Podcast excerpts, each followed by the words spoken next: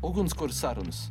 Bīspējas podkāsts, kur es, Kristaps Zaļais, kopā ar Edgars Lāci reizi mēnesī pie ugunskura aicināsim vienu uzņēmēju un iztaujāsim par to, kas biznesa veiksmju stāstos paliek aizkadrā. Atklāti, patiesi un vaisirdīgi par to, ko nozīmē būt uzņēmējam. Uh, labdien, klausītāji! Uh, esam nu jau, uh, es pat laimīgie laiku neskaitu, un es pat nezinu, kurā podkāstu epizodē mēs esam. Tik 12, labi, mums ir 12. 12, jā. Nākamā maija, cik 13. jābūt uzmanīgi, uzmanīgiem jābūt, 12. viss mierīgi. Šodien mums saruna ir ļoti interesanta saruna biedrs. Man jāatzīst, lai uz āķēti jūs paklausieties arī vairāk. Neviens saruna biedrs pirms podkāsta nav tik daudz jau paspējis pastāstīt visu kaut ko. Ļoti daudz ir izstāstījis, bet mēs šajā podkāstā vienmēr ļaujam ā, sarunu viesim ja pašam iepazīstināt ar sevi. Līdz ar to, Ilona, kā tu iepazīstināt ar sevi? Es nezinu, no kura gala sākt, jo iepazīstināt var ar daudziem dažādiem stāstiem. Mani sauc Ilona Daugšte. Ja mēs runājam par tēmu, kas ir sociālais, cilvēki, sabiedrība, es tajā visā, tad uh, es domāju, ka tie pirmsākumi jau ir bērngārzā. Parūpēties par katru, kuram nav līdzi varbūt mantiņa vai lineāls vai pilspāva. Vienmēr uh, man bija visa dubultā, lai viens otram varētu kā aizdot, palīdzēt. Tad, uh, ja, ja par šo brīdi, tad šobrīd es esmu biedrības gaismas laiva, viena no dibinātājām.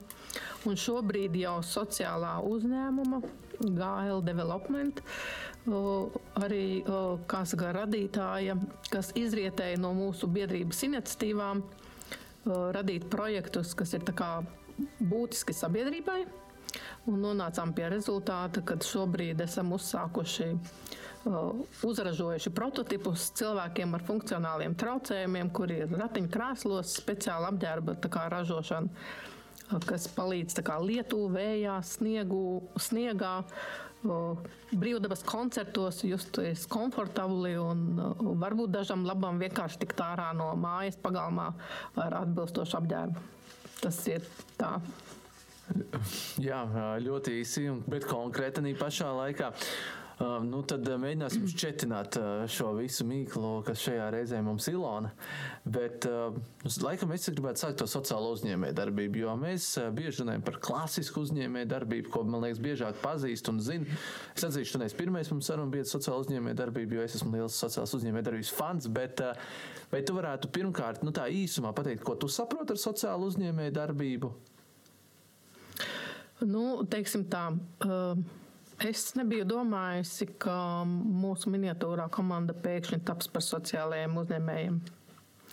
Jo tās aktivitātes, kas ir kā biedrībai, tās ir tās, ko mēs mēdzam darīt ļoti bieži brīvprātīgi, jo vienkārši sirdī, dvēselē un tādās sajūtās ir tāda vilkme, pamanot kādas apkārtējo vajadzības, tajās arī iesaistīties un atrast kaut kādu risinājumu, nu, kā es varētu palīdzēt.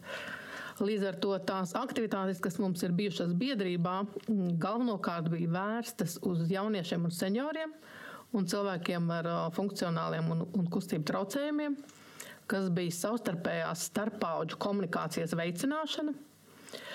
Mans, mana ideja, kas man dzima no skolas laikiem, jo jūs, jauni cilvēki, jūs, jūs Man prieks, man vēl sauc par jaunu cilvēku. Paldies! jo mājās man sāk skaitīt sirmos matus. tiešām. Jā, diemžēl. Jā, nu, lūk, tad, ja es teikšu, ka tajā laikā, kad es gāju vidusskolā, padomu laikos, mums bija tādas timuriešu komandas. Vispār, ja godīgi, Timurietis, ja jūs vēstures Google, mamā Google atrastu, Timurietis nebija nekāds labais zēns vēsturiski. Ja? Taču tā kustība, kas bija, Viņa vienkārši bija lieliska. Mēs no skolas um, katru reizi klasē, uh, nedēļā reizi devāmies pie veciem cilvēkiem. Atnesām ēdienu no veikala, skaldījām malku, sanesām malku, paspēlējām šahu, padzērām tēju. Tas, ko mēs pēkšņi sapratām, ka darīja pandēmijas, varbūt ne gluži pandēmijas laikā, bet kustība palīdzēt kādam, kas ir mājās. Nu, lūk, tā kā es biju tāda sportiski aktīva un, un daudz nodarbojos ar sabiedriskām skolas aktivitātēm, gan slepošanām, un basketbolu un un dažām tādām, tad man vienmēr bija tā, ka puiši negāja, ja es negāju. Tātad man bija jāiet vienmēr. Bet taču man ļoti patika. Un šī starppauģu komunikācija, respektīvi, jaunietis dodas pie senioriem, tā man bija jau nu, tuvu pazīstama no skolas laikiem. Bet plus mīnus, es varētu teikt, nepilnus desmit gadus atpakaļ, man pa galvu šaudījās doma, ka vajadzētu kaut ko mūsdienīgu uztaisīt, lai atkal skolu jaunietis var doties pie senioriem ciemos, pie tam vēl nosacīt aplikāciju, atrast veidu, nu, kā vienkāršāk atrast to savu īsto senioru, pie kā iet un kam palīdzēt. Lai būtu līdzīgas intereses. Nu, pieņemsim, iedomājieties, ir, ir sistēmā iečakots kāds kungs, kuram ir palīdzējis jaunietis izveidot profilu, un viņš ierakstījis, ka viņam patīk zvejot. Viņam patīk tur garas pastaigas, ja, viņš ir tur vecs kurpnieks, amatnieks vai vēl kaut ko. Savukārt jaunietis, redzot to profilu, viņš kā varētu aiziet kopā mēbī pamakšķerēt. Ja. Un tas veido ne tikai tā, ka iet tāda pienākuma dēļ, kā varbūt savulaik mums bija mm, skolas laikā, bet iet tā, ka varbūt kāds jaunietis atrod kungu, kurš varbūt ir vecstāvu vietā vai, vai savukārt šis kungs iedot kaut kādas tādas prasmes, kas šim jaunietim paliks nākotnē uz vienalga, vai tas ir hobija līmenī, vai, vai darbības līmenī, vai iniciatīva nu, kaut ko tādu mācīties vai apgūt kaut kādas prasmes un iemaņas. Nu, lūk, un, un, un šāda tipa platformu mēs kā biedrība arī uzveidojām, respektīvi es sadarbojos ar RTU studentiem. Un Sigul, nevis Siguldas atvainojos, bet um, Cēsu, Cēsu filiālis uh, RTU uh, dators uh, studentu grupa, visa grupa strādāja mūsu projekta ietvaros, un mēs tādu prototipu sākotnējo, kā viņš varētu izskatīties, jau esam izstrādājuši. Tam vēl ir viens sociālā projekta virziens, tātad viņam ir jātop vēl par reālu uzņēmumu, Tam šobrīd nav pavisam laika, bet ļoti, ļoti gribētos, jo tā, šī tēma, manuprāt, ir ļoti, ļoti nu, vērtīga liederīga, jo, jo šobrīd ir, ir skaidrs, ka tas kļūst ar vien aktuālāk, jo mēs esam iesākuši dzīvot ļoti attālināti, ciemos Covid dēļ attālināti, vecvecākus vai vecākus vai jebko. Un, uh, Šī bija, šī bija platforma, kur, kur man izrādās uh, uzrādīt kopā ar studentiem, plus mīnus tādā stadijā. Jo šobrīd uh, šī platforma man liekas būtu ļoti aktuāla. Uh, jo arī seniors ir gatavs palīdzēt. Viņš varbūt kādam palīdzēs padzīvoties ar mazo māsiņu, kamēr jaunietis skrien dancot vai, vai breikot vai vēl kaut ko darīt. Ja? Kā abas puses ir gan saņēmējs, gan devējs. Tā kā man ļoti patīk ceļot, un es esmu traka ceļotāja, tad mans nākamais etaps, ko es biju izplānojis šajā senioru jauniešu, un tā skaitā cilvēku ar īpašām vajadzībām uh, un funkcionāliem traucējumiem, bija tad, kad šie jaunieši sadraudzējās jau no skolas vecuma, kur viņš apgūst tādu brīvprātīgā darba prasmes Plus vēl viņam ir iespējas uh, savu ieguldījumu dot pie dažādiem senioriem, jau un dažādas lietas uh, saprast un parunāties un, un būt tādam draugam. Uh, ir tad, kad jaunieši top par studentiem, viņi top kā seniori jauniešu kopceļošana. Un ceļojot ar līdzīgām interesēm, tā ir man šķiet ļoti, ļoti atkal piepildošā vērtība. Pieņemsim, iedomājieties, starp citu, tā kā es esmu izbijusi Bolt taksiste. Šādu leģendu dzirdēt. Jā, izbijusi Bolt taksiste, tad, un es arī izbijusi basketboliste. Tad man bija tāds ļoti foršs viens brauciens, kurā es vedu basketbola treneri Aināru Bagatski un viņam mugursoma aizņēma pilnīgi visu, viena soma aizņēma pilnīgi visu bagāžnieku. Tad uh, viņa jautājums bija, kāpēc es braucu, vai man nav bail, uh, uh, vai tiešām tas ir uh, darbs sievietei. Es saku, pirmkārt, uh, man patīk braukt. Otrkārt, ja kāds pasažieris uzsāk ar mani sarunu, man ļoti patīk runāt, to jau jūs jūtat. Ja? Tad uh, mana atbilde bija tāda, ka brīdī, kad pasažieris man uzdod kādus jautājumus, man ir iespēja mm, viņam pateikt, ka paralēli taks, uh, tak, nu, braucot par taksisti, man ir iespēja aptaujāt pasažierus par saviem sociālajiem projektiem. Zinot to, cik man tālu jāved pasažieris, man ir iespēja jau parēķināt, vai mana saucamā pičošana vai saruna, lai es vēl sagaidītu atgriezenisko saiti, būs 3, 5 vai 15 minūtes. Jā. Tad sarunāja Raināra Bagatski, un mana saruna arī bija tāda, kad es veidoju sociālu kustību, kur seniori ceļot kopā ar jauniešiem. Iedomājieties, kā kāds, kas kādreiz bijis basketbolists, šobrīd sāk ceļot kopā ar jaunieti, kurš uh, tagad tikai uzsāk savu basketbola nu, karjeru. Un viņi, pieņemsim, brauc uh, ceļojumā uz Vāciju un apmeklē kādu no basketbola spēlēm. Tad Daināra Bakatska atsauksme bija, yes, Ilona, dari to, vajag, jo, jo šī ir tā paudžu apmaiņa, kurā nu, saņēmēji un devēji ir abas puses, pie tam ar līdzīgām interesēm. Un šis skolas projekts pārauga kopceļošanas projektā. Un šī kopceļošana, kurā mēs, mēs vienu no braucieniem uztaisījām tepat pa Latviju, kurā bija kultūras koledžas studenti kopā ar vecmeistariem, kas ir saistīti ar kultūru. Ir operas dziedātājs, bija un Leons Krivāns, kas bija plāns mūsu kopceļošanas braucienā, kurā arī mēs sapratām, ka cilvēki, kas mums brauc līdzi arī ratiņkrēslos, reāli pēkšņās laika vai laika apstākļu maiņās, viņiem nav speciāla apģērba.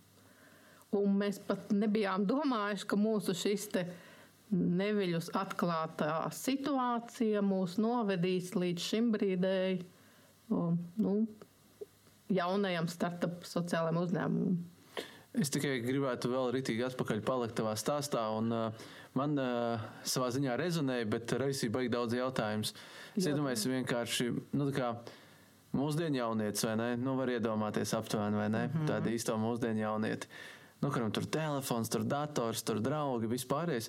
Un aiziet palīdzēt kādam. Nu, jo tas bija stāsts par tevi, nu, kad aizgāja palīdzēt. Un, un arī tev, nu, labi, tev nebija tur telefons, iespējams, bet tev bija daudz citas foršas palaidnības, ko darīt. O, jā.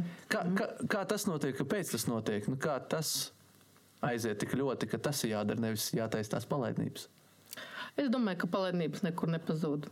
Man liekas, um, tas tāpat tās ir arī šobrīd, uh, uh, jebkuram jaunietim viss kaut kas. Uh, tu domā šobrīd, lai jaunietis gribētu iet?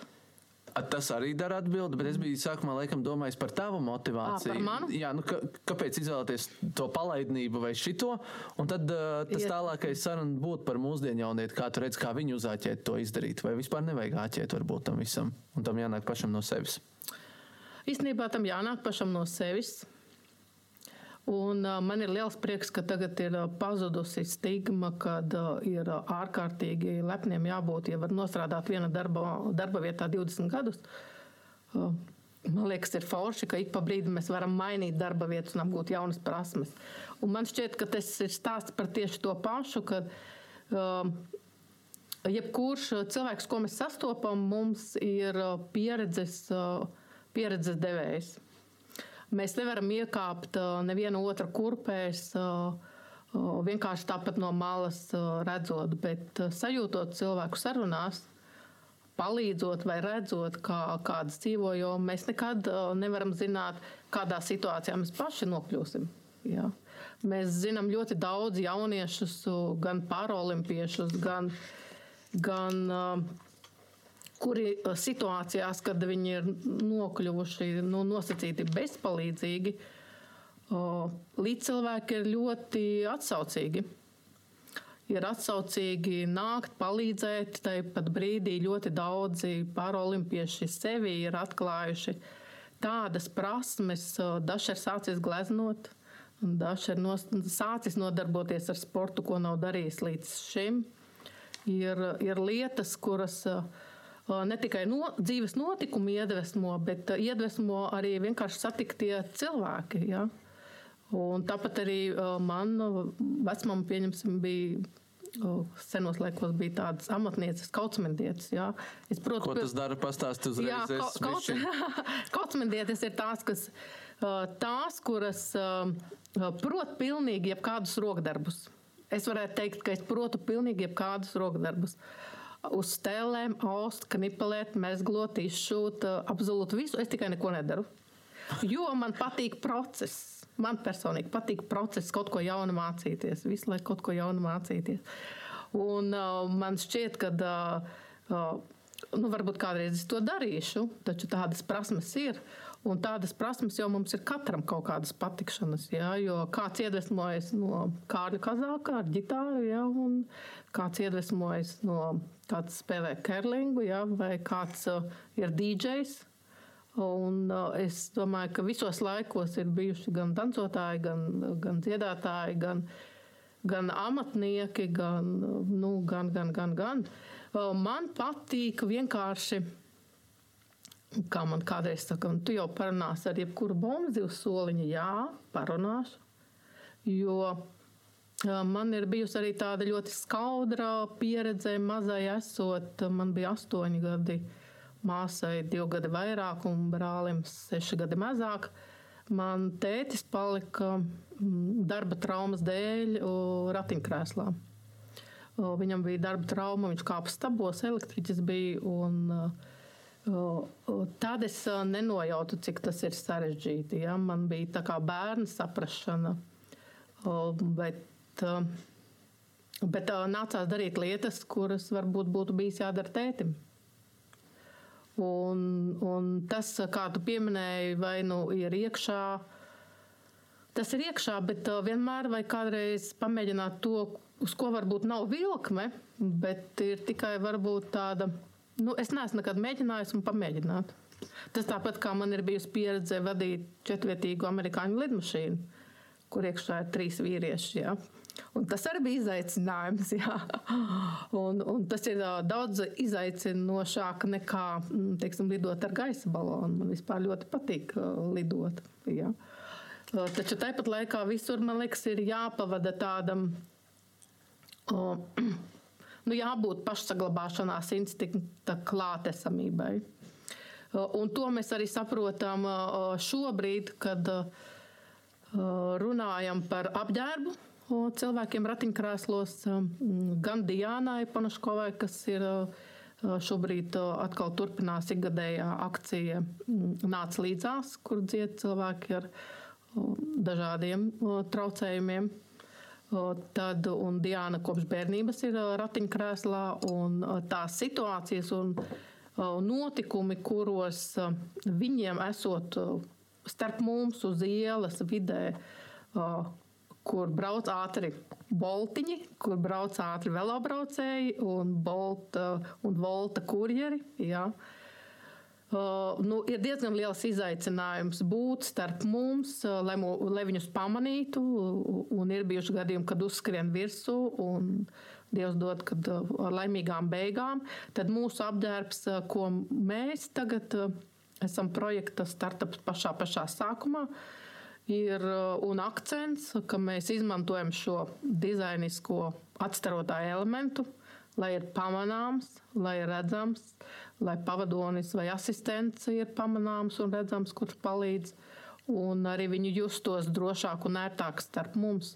Jo, lai arī mm, dot pieci akcijās pēdējo gadu, ir ļoti likts akcents par vides pieejamību, un to mēs uh, visi esam uh, dzirdējuši. Uh, tad šis ir viens no vēl papildus punktiem, jo šie, šie cilvēki vēlas būt starp mums, tādi paši kā mēs. Tie ir mūsu draugi, radi paziņas, līdzcilvēki. Viņi dodas gan uz darbu, un dodas ar, ar vien vairāk uz, kopā ar mums uz pasākumiem. Tad šo būšanu ar mums padarīt drošāku, ērtāku. Nu tā, es, es pilnīgi noteikti esmu sen aizpildējis, aizpildējis no mm, pamat jautājuma, bet tas saucās dodiet man tik parunāt. jā, jā, jāpalda, jāpalda, vai ne? Uh, es, jā, atkal atpakaļ mazliet uz atpakaļ, jā, jo uh, aizpļāpājamies, kas forši, bet uh, es domāju mazliet uh, nu, par šo iespēju, kā tu saki, pamēģināt saprast, nu, kad iekšā mums viss kaut kas ir, bet, nu, ik pa laikam varbūt jāpamēģina jāsaprot, un tas mazliet saskan arī ar tavu pieredzi un vispār kopumā, un es gribētu mazliet uh, dzirdēt, Kā tev ir attiecības ar tā tēmu, kā brīvprātīgo darbs, ko tu pati dzīvē darīsi, varbūt kāds interesants stāsts, un kā tu vispār skaties, vai tu ieteiktu jaunietim to darīt, nu, nodarboties ar brīvprātīgo darbu? Jā, man ir liela. Nu, es teikšu, ka tās timoriešu komandas, nu, viņš, viņas gluži nebija piespiedu kārtā. Man teiksim, ļoti patikās darīt to. Varbūt kādiem mūsu klases džekiem gluži ne ļoti. Uh, tajā ir savs šārums un foršums, brīvprātīgais darbs. Un varbūt mēs reizēm izdarām kaut kādas lietas, pat neapzinoties, ka tas kādam ir iedevis kaut kādu ļoti lielu pievienoto vērtību. Mana pieredze tāda lielāka, es esmu savulaik, lai nokļūtu garīgo prakšu un mūzikas festivālā, kas savulaik bija Ratniekos aiz Siguldas, tad mēs ar meitu abas divas pieteicāmies par brīvprātīgajiem lai varētu kā, nokļūt šajā festivālā. Un tur, protams, ir jādara da jebkas un viss, vienalga, vai tie ir atkritumi, vai, vai saorganizēt galdus, vai rūpēties par tulkiem vai pasniedzējiem vai tam līdzīgi. Un pēc tam arī nokļuvu situācijā pēc divu gadu brīvprātīgās pieredzes arī vadīt brīvprātīgos. Un šis vārds brīvprātīgais ir ļoti liels izaicinājums, jo reizēm jauniešiem un jebkuram. Tas nav tikai jauniešiem, jo brīvprātīgi ir arī cilvēkiem. Jebkurš tādos pasākumos var būt reizēm liekas, ka, ja brīvprātīgi, tad varu darīt, varu nedarīt. Bet tā gluži tā nav.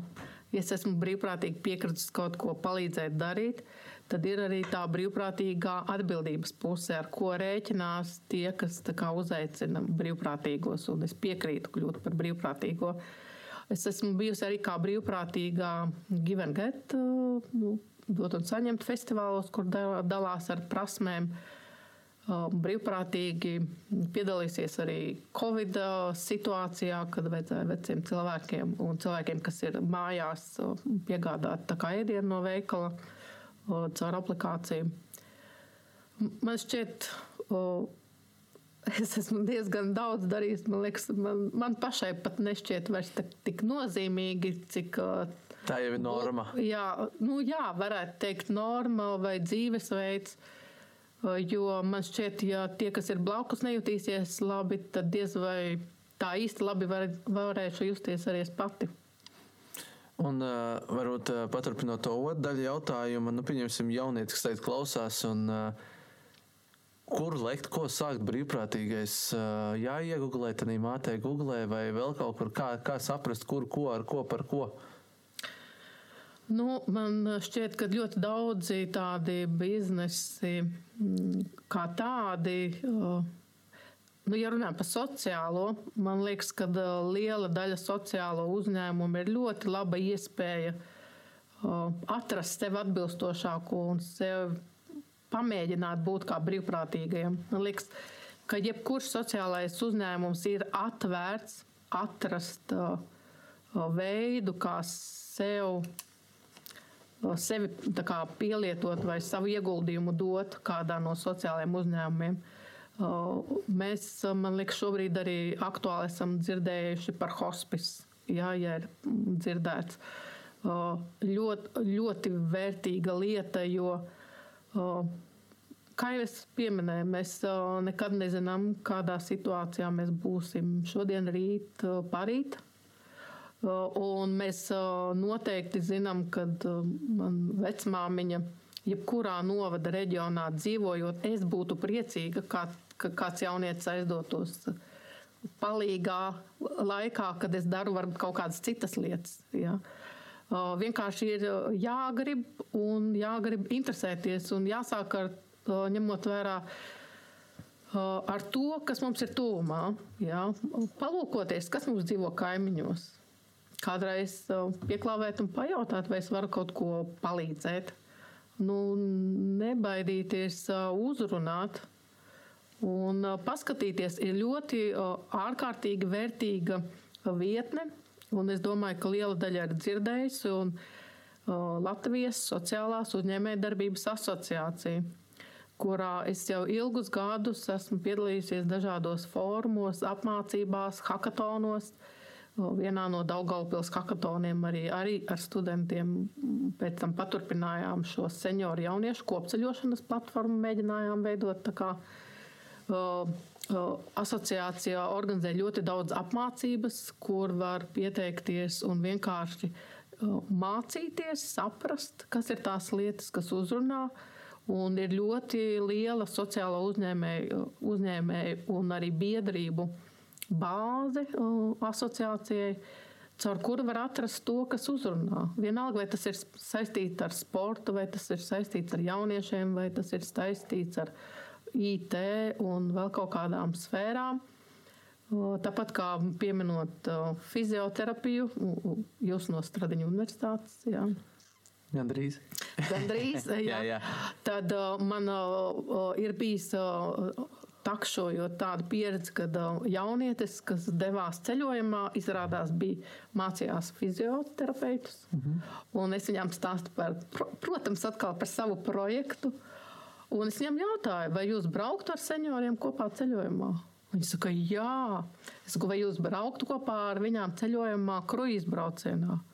Viņa saka, jā, es saku, jūs varat pamatot, kāpēc.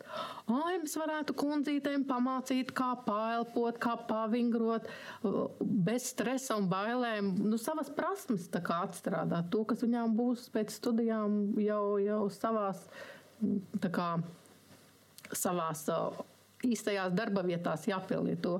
Un līdz ar to tas nav Nu, man, man šķiet, ka tā gribēšana ir tikai jāatrod vieta varēšanai. Ja? Mm -hmm.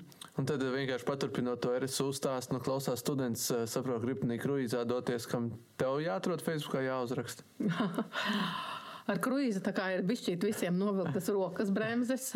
Mans pašas pieredzes brauciens, es ar diezgan tādu profesionālu ceļotāju biju plānojis izbraukt kruīzi braucienu. Es nekad nebiju braukusi nopietnā kruīza braucienā, jo manā vienīgā pieredze bija. Kādreiz bija tāds maziņš prāmis uz Stokholmu, Starajarus. Un man vienīgais brauciens ar tuviem ģimenes locekļiem bija brauciens uh, vētras laikā kurā mūs mētāja pa jūru astoņas stundas. Es sapratu, ka nekad, nekad, nekad. nekad. Un, protams, šo kuģi nevar, to prāmu nevar salīdzināt ar lielu kruīzu braucienu, bet kā, kāpēc kruīzu brauciens, īsi tā pateikšu, kāpēc kruīzu brauciens senioriem kopā ar jauniešiem? cilvēkiem gados, un arī uh, ir tāds priekšstats, ka kruīzes braucienos tikai brauc bagātie ārzemju pensionāri. Tā nav. Brauc ļoti daudz jaunas ģimenes, brauc ļoti daudz jaunieši. Un, protams, brauc arī seniori un arī cilvēki ratiņkrēslos, jo tur viss ir nodrošināts. Uh, Kruīzes brauciens palīdz senioram uh, nemainīt savu gulēšanas vietu. Tātad piecu dienu braucienā viņš var izceļot pa piecām dažādām valstīm, būt drošībā, jo viņam blakus ir jaunietis. Jaunietis ar līdzīgām interesēm, Jo varbūt viņiem patīk kulinārija un gastronomiskās lietas. Un varbūt viņi Itālijā kādā ostā aizdodas pie kāda senioru ģimenes un mācās cept pizzas. Un tas viņus abus aizrauja. Tā ir tēma, kas viņus vieno.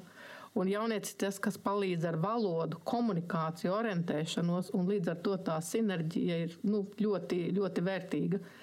Nu, man pašai uh, nācās aizceļot Singapūru, Taizeme, Kambodža, Malaizija. Uh, 15 dienas pēkšņi vienai pašai bez valodas. Un īstenībā tiku galā un sapratu, ka ir vērts braukt tādos braucienos un ir vērts tieši, manuprāt, tieši šīs divas paudzes saliekot kopā, braukt braukt un, un izbaudīt. Jā, bet kam tad jāraksta, ja gribās to braucienu? Zini, šis vēl ir stadijā, šis ir stadijā, un man liekas, tiem, kas varbūt tas uzrunā, mēs to platformu varētu turpināt attīstīt kopā ar interesantiem. Mhm. Tad tev Facebookā jāatrod. Jā. Okay. Iestrādes ir un varam vēl vienu virzienu attīstīt. Mm -hmm. Jaunieši būtu Super izklausās. darītāji. Uh, Man vēl var būt viena smagā tēma, un tad veicēsim pie vieglākām tēmām. Varbūt. To smagi.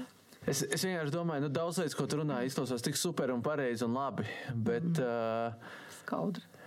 Bet tad ir realitāte, kāda saka, vidas pieejamība, ceļam, runājam, mm. redzam, kas notiek, gribam palīdzēt, palīdzēt viens otram, zākājamies, ķengājamies, vispārējo. Nu, kā, kā tu ar to nezinu?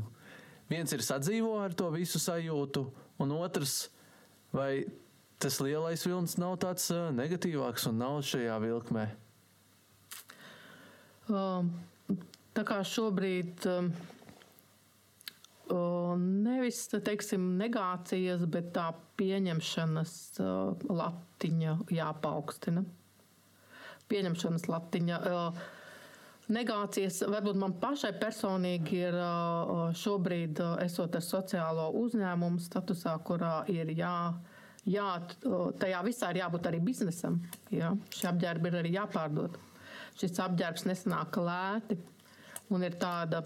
Man ne, nepatīk tas vārds stigma, bet man, mans tāds bloks iekšējais, ko es esmu arī sapratusi mācoties dažādos, kā saka, inkubatoros, ir ļoti grūti piedāvāt apģērbu cilvēkiem, kuriem man šķiet, viņš pienāktos tāpat. Jo mēs rehabilitācijas izstādē, kur bijām kopā ar Polīnu Roškovu, kas ir paralimpiete, Kerlings un paukošana, un kopā ar Diānu Panaškovu no nāca līdzās, kas ir komandas cilvēks, mēs uh, Diseldorfā uh, redzējām, ka šīs lietas, kuras varbūt citās valstīs ir norma un nodrošina valsts, tad uh, mūsu valstī mm, ir mazliet citādi. Un par šīm, šīm lietām pat šie cilvēki pat neaizdomājas, ka viņiem varētu būt kaut kas ērtāks un labāks. Tāpēc mūsu tā vēlme šobrīd, plānojot, kā uh, veicināt kaut kādu rezonansi, uh, uzrunāt uzņēmējus, uzrunāt uzņēmējus, kuri palīdz mums šajā starta pozīcijā sākot, uh, lai mēs uh, varētu kaut kādā mērā mazināt un, un, un lai šie apģērbi būtu pieejamāki. Jo un viens ir tas, ka, ka mēs paši vienmēr esam kustībā un darbībā uz ielas un gribam būt droši. Es nezinu, bolti ir noņemti no, no ielām. Man liekas, tagad ir vēl liels bija. risks, ka uzsniga sniegs stāv visi smuki. Viss kārtībā, vakar pa sniedziņu mauca, Jā. tik tā, diva tā vēl visāds, tā, tā, kā vien var iedomāties. Nu, jā, nu, es nezinu, vai viņiem ir atstarotāji, nu, maz, maz, maz ticams, jā, bet viņi ir Gaismiņi, ļoti ātri. Bet viņi ir ļoti ātri un, un man liekas, ka tā drošība, drošība ir, ir nu, viņai jābūt pirmajā vietā. Jo mēs redzam diezgan daudz arī reklāmas no Latvijas valsts ceļiem, lai mēs esam pamanīti. Es kādreiz arī ņēmu, ņēmu balsotājus. Bet, ja viņiem nebija atstarotāji, es biju ļoti dusmīga. Bet ņēmu. Iepamanīja. Ja pamanīja, jā. Bet jā, skepse un tādas lietas pietiek. Ir daudz ar komentāriem, kāpēc tu ņemies ar tādu biznesu, kurš nenes peļņu. Tev taču viss ir jādod atpakaļ. Tu taču tur nenopelnīsi. Nu, Es nezinu, nav mērķis nopelnīt visas pasaules naudu. Man vispār nav īsti mērķis pelnīt. Es tikai gribētu ceļot daudz. Bet mērķis ir, ir tā kā, kā jau es minēju, kā, ja es la- labi jutīšos pati un labi jutīsies mani līdzcilvēki, un tas varbūt nav tāpēc, ka man tētis ir ratiņkrēslā bijis. Tas varbūt nav tāpēc, ka es pazīstu cilvēkus ratiņkrēslo, un komandā ir Diana ratiņkrēslā un draugi. Bet man šķiet, ka tā, nu, tā ir kopbūšana mūsu, mūsu vidē, mūsu Latvijā. Jo es nevaru atrast tos vārdus. Man šķiet, ka uh, ja atvērsies sirdis, tad uh, atvērsies domas. Un caur prātu mums būs arī kaut kāda darbība, kas padarīs pasauli labāku. Jo ir tas tā saucamais tauriņa efekts. Reizēm pietiek tikai kaut ko vienu nelielu. Un tas pēc tam ievelk, kā saka, iedod mazo pirkstiņu. Ja tu pamēģinās kādreiz palīdzēt vienam, otram, trešam, tā, tā ir tāda aizrautība, iedot ieguldījumu visai pasaulē kopumā. Es uz to jauno nākamo paudzi ceru vairāk. Nē, nē, man šķiet, ka jau šobrīd arī dara tādu o, brīnišķīgu darbu. Kaut vai šo podkāstu organizējot, ka tas iedod kaut kādu rezonanci. Nu, aizdomāties par jebkuru, jo reizēm vienu grāmatu izlasot, pietiek vienu teikumu. Jo. Vienu sarunu no, noklausoties, pietiek vienu. Jā, un dažreiz mēs noklausāmies nevienu teikumu, un tad, uh, zin, kā teikumu mēs izvelkam, bet labi, mēs uh, beigie filozofi divi satikušies, bet uh, pilnīgi lecam citā laivā, un uh, tev ir iespēja uzaicināt tik vienu uz vakariņu, jebkuru dzīves beigts vienalga, ko tu uzaicinātu? Uz vakariņām? Var arī uz pusdienām, ja labāk. Nē, es domāju, uz visu dienu. labi. Uz garu pastaigu un, un, un ēšanu brīvā dabā, varbūt ne gluži vakariņām. Ko es gribētu uzaicināt? Nu, vienu tikai. Nu, sāc ar vienu. Jā. Man šķiet, es šobrīd gribētu uzaicināt savu vecmāmiņu Margu. Man šķiet, ka tas viens no pamatiem tajā, ko es daru un kāpēc man patīk tik daudz un dažādos virsienos visu kaut ko darīt. Jo vienkārši es tāda esmu. Man patīk ļoti daudz ko apgūt, iemācīties, saprast un iet tālāk. Un, un vecmāmiņa man liekas, ka man nu, ar savu kautsmindietes pieredzi man arī patika šie rokdarbi. Bet, nu, nezinu, vai es darīšu bet man šķiet, ka uh, es nepaspēju, es nepaspēju ar viņu, ar šodienas apzināto sajūtu pārunāt lietas, kuras es gribētu ar viņu pārunāt. Tāpēc man šķiet, ka tā pievienotā vērtība, kad jaunietis uh, atrod laiku, un, jo senioram parasti laiks ir, tikai ar viņu nav kas parunājās. Um, tur ir ļoti liela vērtība, jo man arī skolas pieredze, mēs faktiski no Lubānas vidusskolas uh, bijām pirmās, kas kā folkloras kopa gājām, uh, intervējām Evo Mārtuževu uh, dažādas pierakstus rūžeņa un tā tālāk dziesmas pierakstījām. Mums bija fantastiska literatūras skolotāja Aija Portnova. Uh, Man šķiet, ka tieši šajos viedajos uh, cilvēkos, un ticiet man, paies laiks, un jūs būsiet šie viedie cilvēki, un jūs būsiet priecīgi, un es būšu priecīga, kad jaunieši gribēs ar mani kopā ceļot, ar mani kopā parunāties, ar kopā tēju padzert, aiziet uz koncertu vai aizbraukt uz kādu basketbola spēli vai futbola spēli, kā šobrīd. Jā. O, jā. O, jā, un tas man liekas, un, jo katrā mūsu paudzē ir savs viedums un zināšanas. Jā. Un, un katram ir, katra dzīve ir vienas filmas vērta. Vai seriāla? Seriāla pāris seriāla sezona. vērta, jā. Jo, jā, kino arī man stihija. Esmu izbaudījis filmēties kaut kādās 12, 15 filmās. Īpaši Covid laikā arī. Nodevies aktieru karjerai. Ah, nē, tas ir. Man liekas, visas meitenes kādreiz gribēja būt aktrises. Bet, uh, nu, jā, Billē nācās tapt kadrā. Izrādās arī janvāra. Un filma janvāra stīzerīte esmu iekļuvusi ar Būs jāpārskata. Jā, un arī filmā Mīlulis un dažādās. Tā ir tāda jauna pieredze, kur iepazīstot cilvēkus. Man vienmēr bija iespēja pastāstīt par saviem sociālajiem projektiem. Un līdz ko man ir iespēja to izdarīt, es atkal saprotu, ka es nedrīkstu apstāties, ka man ir jāturpina. Lai arī nu, reāli nu, nav viegli pacelt no nulles uzņēmumu, jo tas nebija apzināts gājiens uz sociālo uzņēmumu. Vienkārši notikās tā, kā bija jānotiekās, acīm redzot. Viss, kas notiek, notiek uz labu. Tieši tā. Ja vēl nav labi, tad pastiepies un dabū, vai ne? Jā.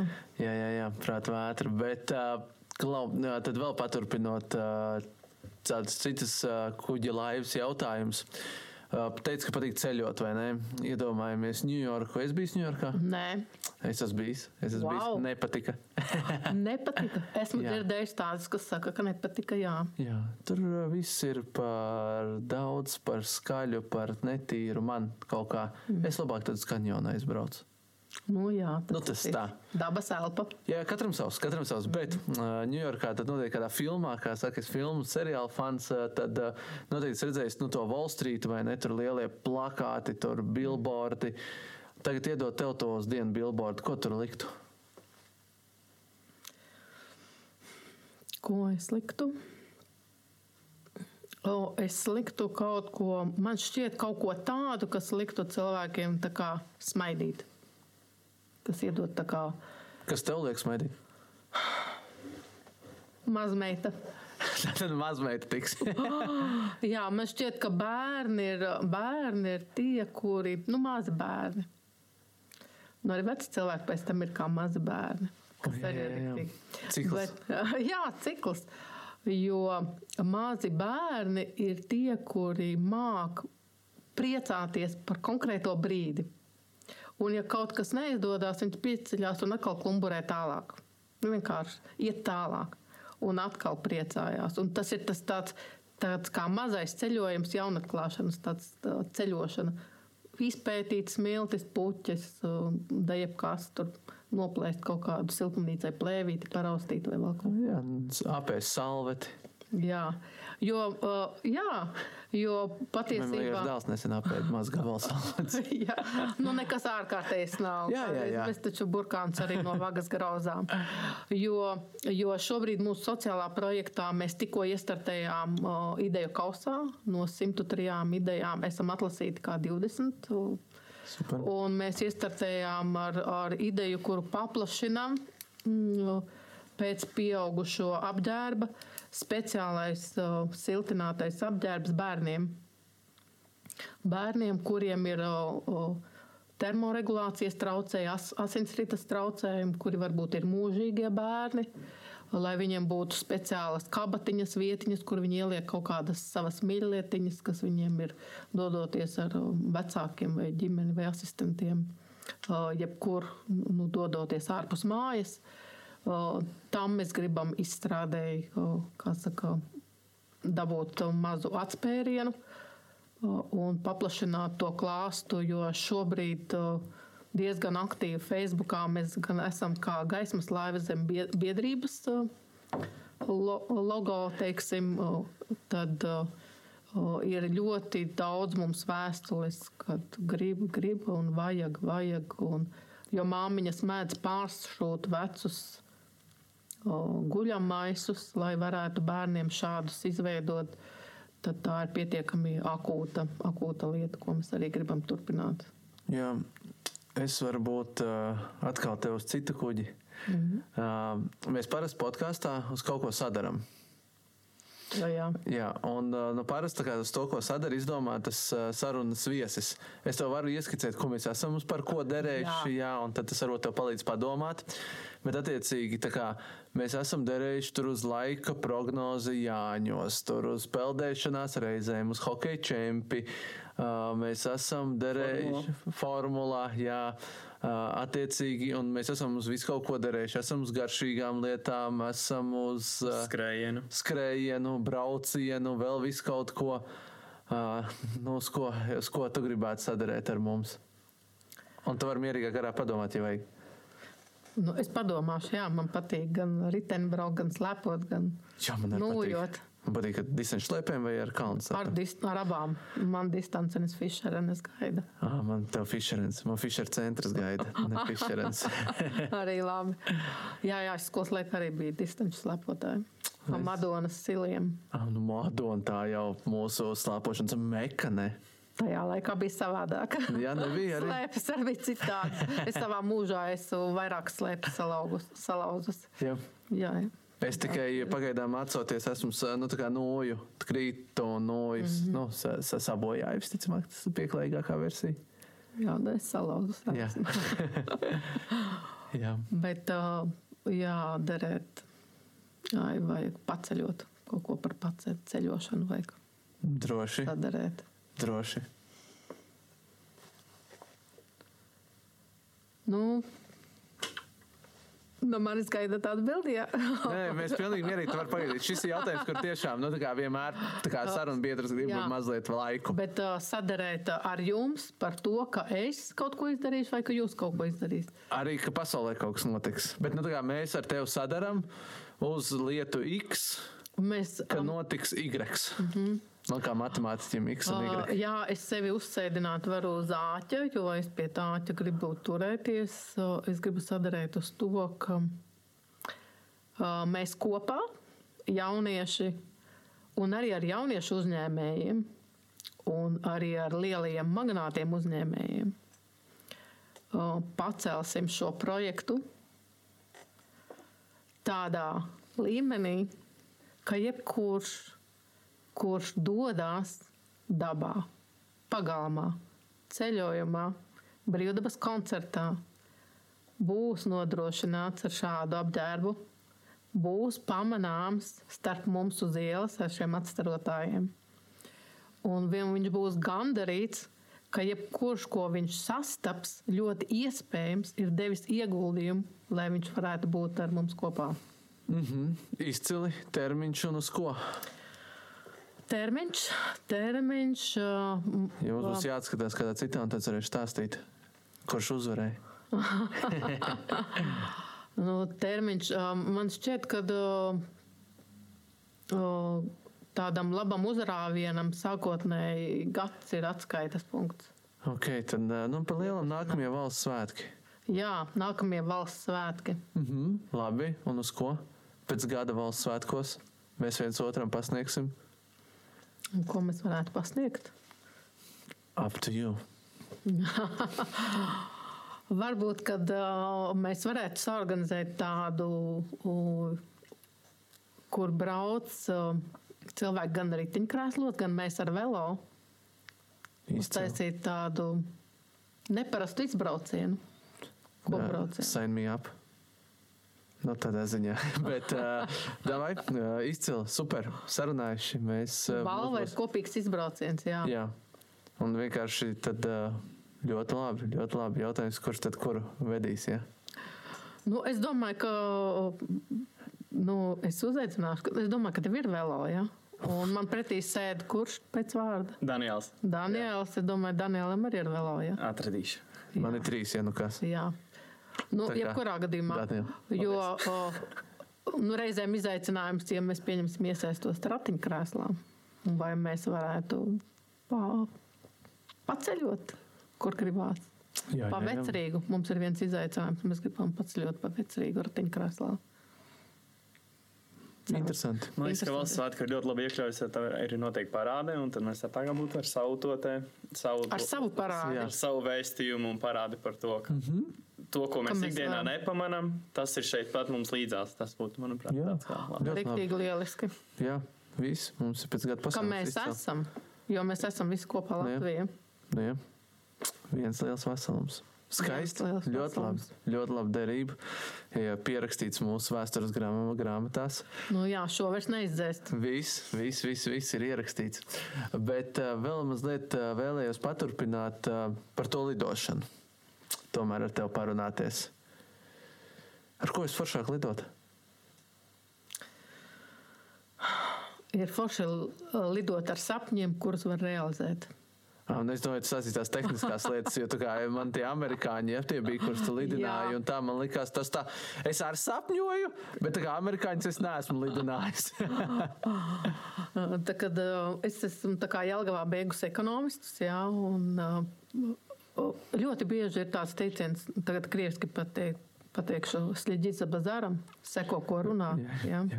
Atbild par bāzāru. Jā. Jā, atbild par savu bazaru. Ja skolas laikā, kad es spēlēju basketbolu Jelgavā, teicu, es nekad nedzīvošu Jelgavā tik briesmīgi neforšā pilsētā. Tad beidzās vidusskolas aizgāju Jelgavā mācīties. Ja skolas laikā man draudzene teica, ko tu darīsi vasarā, es teicu, ka es strādāšu Cesvēnas sviestas rūpnīcā un pelnīšu ziemē zābaciņas. Tad viņi teica, es braukšu uz Siguldu, pie krustmātes atpūsties. Es domāju, ah, Dievs, kā es gribētu dzīvot Siguldā. Un man bija iespēja dzīvot Siguldā. Es esmu dzīvojis Siguldā. Tad uh, uh, Tad šobrīd, uh, kāds bija jautājums? Ļoti labi, ļoti labi. Uh, es esmu no Siguldas, tas tā ātrai liriski atkāpēji, bet uh, jautājums bija par to tiem tehniskiem lidaparātiem, ar kuriem ir foršāk lidot. Jā, un lūk, un, un pēc augstskolas, kad man jau bērni bija diezgan paaugušies, un mēs ar vīru bijām diezgan lieli dejotāji pāris, Tad mums deju kolektīvs uh, vienā no dzimšanas dienām uzdāvināja lidojumu ar gaisa balonu. Tas bija viens no lidojumiem. Tad otra pieredze, kad man strādāju savulaik žurnālā, reklāmas nodaļu vadīju. Un, žurnālā un avīze. Bija kādreiz tādas avīze visiem sievietēm, pēc tam Rīgas modes. Mēs laikam nezināsim. Nezināsiet, nezināsiet. Tāda, mēs veidojām rakstiņu Ikšķelē par, par lidmašīnām, un tur bija amerikāņu četvietīgās lidmašīnas. Tad mēs kopā ar redakcijas vīriešiem braucām intervēt, un bija šis lidojums. Un pilots teica, varbūt, ka tu kā dāma sēdīsies priekšā. Un katram no šiem pilotiem ir sava vad, vadīšanas iespēja. Un uh, vīrieši teica, jā, jā droši, Ilona sēties priekšā. Bet tad, kad pilots teica, nu, tagad uh, vadību pārņem Ilona, tad tie vīrieši aizmugurē, jē, tāda var būt. Un ļoti lielisks tā kā lidojums virs Daugavas. Virs Daugavas, protams, lielākā pilotāša vienmēr ir nu, mācīt nosēsties. Mācīt nosēsties uh, arī biznesā, arī, arī attiecībās, arī, arī darbos. Viens ir uzrāviens, starts, bet otrs ir o, lidojums un prasme kā, pabeigt, pabeigt iesāktās lietas. Un man šķiet, ka tas o, man patīk arī lidmašīnā lidot, protams, o, starp kokiem. Ir bijis arī izaicinājums 11 metru augstumā, brīvajā lēcienā Tādā. Ar gumiju vai? Nē, tā nebija. Tas bija, bija brīvā lēcienā, jānotver trīs stūris. Nezinu, kā viņi ah. pareizi sauc. Jā. Okay. Nu, tā kā cirka apmēram starp priedēm meža vidū. Nu, un, jo atpakaļ ceļa nav, tu esi uzrāpies augstu, augstu priedē. Un tas arī bija lidojums pārvarēt savas iekšējās bailes. Un, nu, jebkurā gadījumā lidot ir forši. Ja nepamēģinās, nesapratīs, taču nav viss dzīvē jāpamēģina. Katram sava latiņa, ko, bet to latiņu čučut jāpaceļ. Nu, es nevaru tev nepajautāt arī nu, tā Balta tās pieredzes, tādu nu, tā to, to smieklīgo stāstu. Jo man liekas, tur ir, nu, kā, tur ir jābūt. Tur ir jābūt. Jā, man es ar ļoti lielu interesi gaidīju filmas Jaungadā taksometrs. Nu, nereāli, nereāli gaidīju. Pirmo sēriju, pēc tam otru un sapratu, ka tas, ko es esmu piedzīvojusi, takšojot, ir vairāku seriālu vērts. Un ka pilnīgi režisoriem pietika tikai ar maniem stāstiem. Pirmās dienas, pirmā diena, kad es pieteicos par taksisti, mm, pirms tam bija daudz dažādas pārdzīvojumu un varbūt tāds laiks sarežģīts aiz muguras. Uh, Pirmajā dienā, kad es pieteicos, es domāju, nu, kaut kad pēc nedēļas man varētu piešķirt mašīnu, varētu mēģināt braukt. Un, un uzņēmuma vadītājs saka, nē, mums ir brīva mašīna, tu, mēs tev tūlīt parādīsim, tu jau vari tā kā sākt. Labi, mēģināju saprast. Pirmais, kas man izsauca, bija no Salaspils ielas, ja runājam par Rīgu, toreiz Akapols. Aizbraucu, un jau ir vēla pēcpusdiena, un ir ziema, februāris kaut kāds. Man iesēžās četri vīrieši. Es zinu, ka alkohola nedrīkst neviens mašīnā. Viņi iekāpa četriem maliņiem. Aizmugurē trīs priekšā viens. Viņi sāka runāt krievu valodā, un es saprotu, ka viņi ir tikko nesen. Trīs no tiem iznākuši no cietuma. Un runā tādā valodā, man šķita, ka es pati atrodos cietumā uz lāviņas kopā ar viņiem. Tās bija nereāli lielas bailes lielas bailes, jo bija jābrauc tālu prom aiz rumbulas, kaut kur mežā, tumsā, ar domu, ka es nezināju, kā es tikšu atpakaļ. Es nezināju, vai man vispār samaksās. Bet viss beidzās veiksmīgi. Man bija jāpagaida, at, atved atpakaļ un samaksāja vēl tējas naudu. Viens cits piedzīvojums, kurā viens vīrietis izbraukāja septiņas stundas viens pats tikai tāpēc, ka viņam beidzēja izveidot galvu. Izveidināja, ja? Izveidināja galvu. Viens no tādiem braucieniem palika nesamaksāts. Uh, aizmuka? Aizmuka. Tā arī paņem izkāpi un aizskrien, ja? jā, nesamaksāja. Tā ir tāda uzticēšanās. Wow. Ir bijuši gadījumi, kad nobraukā trīs stundas un sūta savas bēdas un samaksā arī ļoti labu tējas naudu, tāpēc, ka viņam vienkārši gribās parunāties. Ir bijuši arī o, tās, kuras māmiņas dzemdē un jāved steidzami uz dzemdību naudu. Mhm. Paspēj? Paspējām. un arī daudz dažādi stāsti, ļoti daudz dažādi tādi neparasti tepat no Kalnciem ielas pasākumiem. Um, Bet kaut kāda. Ar labu pieredzi, ar labu pieredzi. Jā, ļoti labi pieredze. Ļoti labi izaicinājumi pietiek. Un uh, varbūt nu, tādā noslēgumā es gribētu tev uzdot tādu vienu jautājumu, un tad tās divas tipiskos noslēdzošos jautājumus. Bet uh, es gribētu sākt ar tavu tādu, varbūt, uh, novēlējumu tam uh, studentam, kas domā par uzņēmēju darbību. Jo nu, šis podkāsts ir vairāk domāts viņiem. Nu, kas būtu tāds tavs tips, ieteikums, ko viņiem tu gribētu nodot? Viena, nu, manuprāt, būtiskākais ir sajust un saprast, kas pašiem personīgi patīk. Jo gala beigās tas, kas man patika mm, bērnībā, un reizēm saka tas, uh, kas ir aizrāvis līdz sešu gadu vecumam, tas kaut kādā apzinātajā vecumā apgriežās un atnāk atpakaļ, un ir īstās lietas, kuras var tapt par kaut kādu pamatu dzīvēm. Ja man kādreiz patika ar, ar cilvēkiem gados sarunāties un, un klausīties un apgūt prasmes, tad, tad tas pie tā ir kaut kādā veidā arī novedis. Citādīgā formā, citādīgā izpildījumā. Un man šķiet, man ļoti bail bija kaut kādos konkursos piedalīties, jo man likās, ka manām idejām nu, ir tāds tikai manā galvā viņas vējo. Bet uh, runāt un stāstīt, jo īstenībā tieši tie, kas sajūt un atbalsta vai novērtē, viņi pirmkārt var kļūt par jūsu komandas cilvēkiem, par domu biedriem, par atbalstītājiem, un tas ļauj kā iet uz priekšu, jo man šķiet visneprātīgākās idejas var radīt piepildījumu. Un šajā ziņā arī, ja jūs zinat, mani ļoti iedvesmo ceļotāja Zāne Eniņa mugursoma. Jā, Grāmatā autora. arī? jā grāmatas par Jā. pingvīniem Jā. autori. Jā. Jau otra vai ne tik tikko? Jā. Man uzdāvināja, tik tikko Ā, nesāc laimīgi. lasīt. Nu, lūk. Nu, tad, uh, tad uh, šis ir arī tas stāsts par ceļošanu, ceļošanu pašam pie sevis. Jā, atrast to sevi. Jo dzīve ir tāds ceļojums, ceļojums, izaicinājums. Um, iepazīt caur, caur jebkuru satikto patiesībā, jebkuru sarunu ar, ar tevi, ar tevi, man pašai ar sevi ir ceļš pašai pie, šā, pie sevis. Un, tas, man liekas, ir lielākais uzdevums, ko mums sevi atklājot, ko mēs varam iedot apkārtējiem. Jo jebkura darbība tāpat nes rezonanci. O, tā kā tauriņa efektā. Jā. Jebko, ko mēs izdarām, tas atstāja pēdas. Kādas pēdas?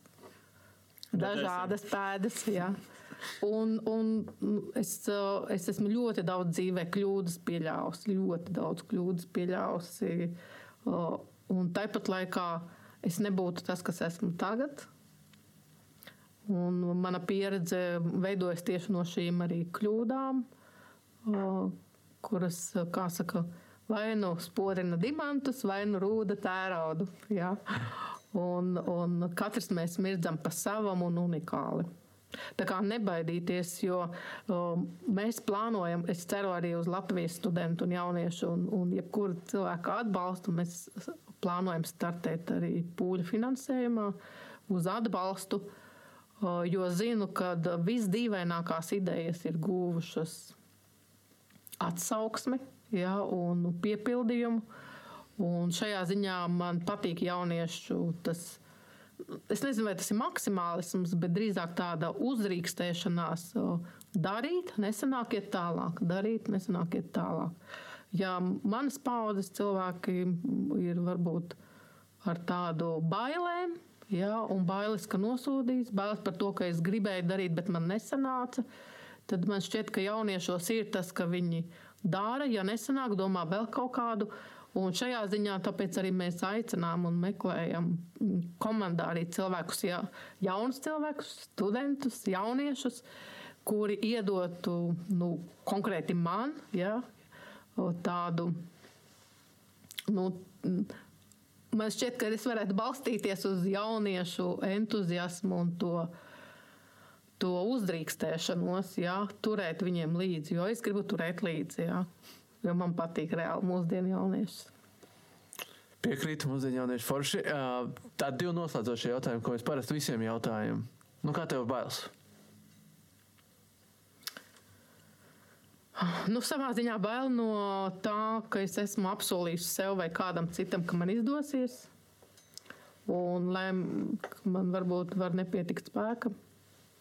Tev nepietikt spēka. Uh, jā, jā, jā. Jo nevienmēr tie, kurus mēs redzam, stiprus esam, uh, visiem ir āriņa un visiem ir iekšķiņa. Un tā iekšķiņai reizēm vajag dažāda veida atbalstus.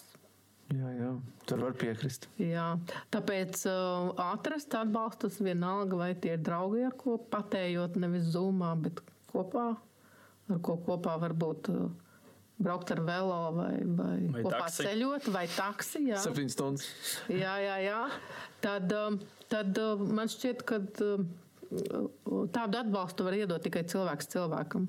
Protams, man nenormāli patīk ravēt un zemi, jo man cilvēkam, kas skrien pa gaisu un plivinās pa gaisu, domās un idejās, vajag arī sazemēties. Man ļoti patīk lasīt ogas, kas sazemē. Tā kā kaut kādu atbalstu var atrast arī tajā un, uh, un tā kā uzticēties, uzticēties draugi draugiem. Mm -hmm. Un tad nebūs, bet bail, bail ik pa brīdim no vis kaut kā ir bail. Bail piezvanīt, bail, bail uzrunāt, bail no atteikuma, bail no atteikuma. Bail piedāvāt uh, to, ko, ko šķiet varbūt kādam pienāks tāpatās. Nu, īstenībā mēs visu laiku samūstam no tā, kā baidamies. Bet uh, man liekas, ka tas pieder pie dzīves. Jo citādi jau nav izaugsmas kaut kādas. Noteikti, noteikti. Vai ne? Uz priekšu un uh, izaugt tas ir forši.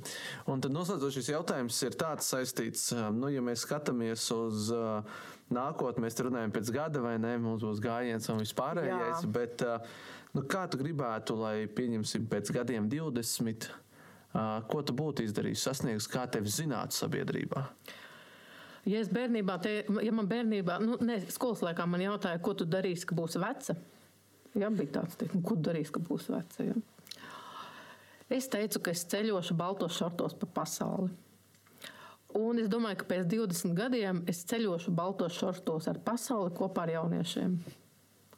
Un tas būs mans dzīves lielākais. Varbūt es, es varbūt mācīšu kaut kā iedvesmot uh, varbūt būšu vēstnesis. Man šķiet, ka tas ir tas, ko pēc 20 gadiem es būšu realizējusi savus iesāktos projektus, kopceļošanu, un, un jaunieši to, to, to darīs tālāk pa savam, modernā un nezinu kādā vēl veidā. Jo man šķiet, ka ceļot pa dzīvi, ceļošu pa dzīvi. Nu, tad jānovēl tev, lai izdodas tie ceļojumi, lai izdodas tās pieredzes. Man gribās teikt, vairāk pieredzes, nevis ceļojums. Paldies tev par ļoti interesantu sarunu. Man bija interesanti, es ceru un domāju, ka arī mūsu klausītājiem bija. Un uh, turēsim īkšķi, lai tev viss izdodas. Paldies tev! Nu, mums visiem kopā izdosies. Vai ne? Jā. Pateicos jums. Paldies! Uz tikšanos! Klātienē! tā mēs! Šis ir Rīgas Reņģa Universitātes biznesa inkubātora Bīspējas un studentu mēdīs skaļāk veidots podkāsts. Bīspējas ir radīts ar mērķi atbalstīt un veicināt inovāciju, līderības un uzņēmējdarbības iespējas RSU studējošiem. Podkāstu vadīju es, Kristaps Zaļais, klausīšanai sagatavoju Andris Trautiņa, Ričards Vasiljevs, Krišjāns Bite un Diāna Surgunte. Klausies mūsu studentu mēdījā skaļāk un populārākajās podkāstu vietnēs Spotify, Apple podkāsts, Google podkāsts un citur. Interesē uzņēmēja darbība vai tas, par ko mēs šeit runājām? Droši seko mums Facebook kontā BeSpace vai arī studentu mēdījā skaļāk.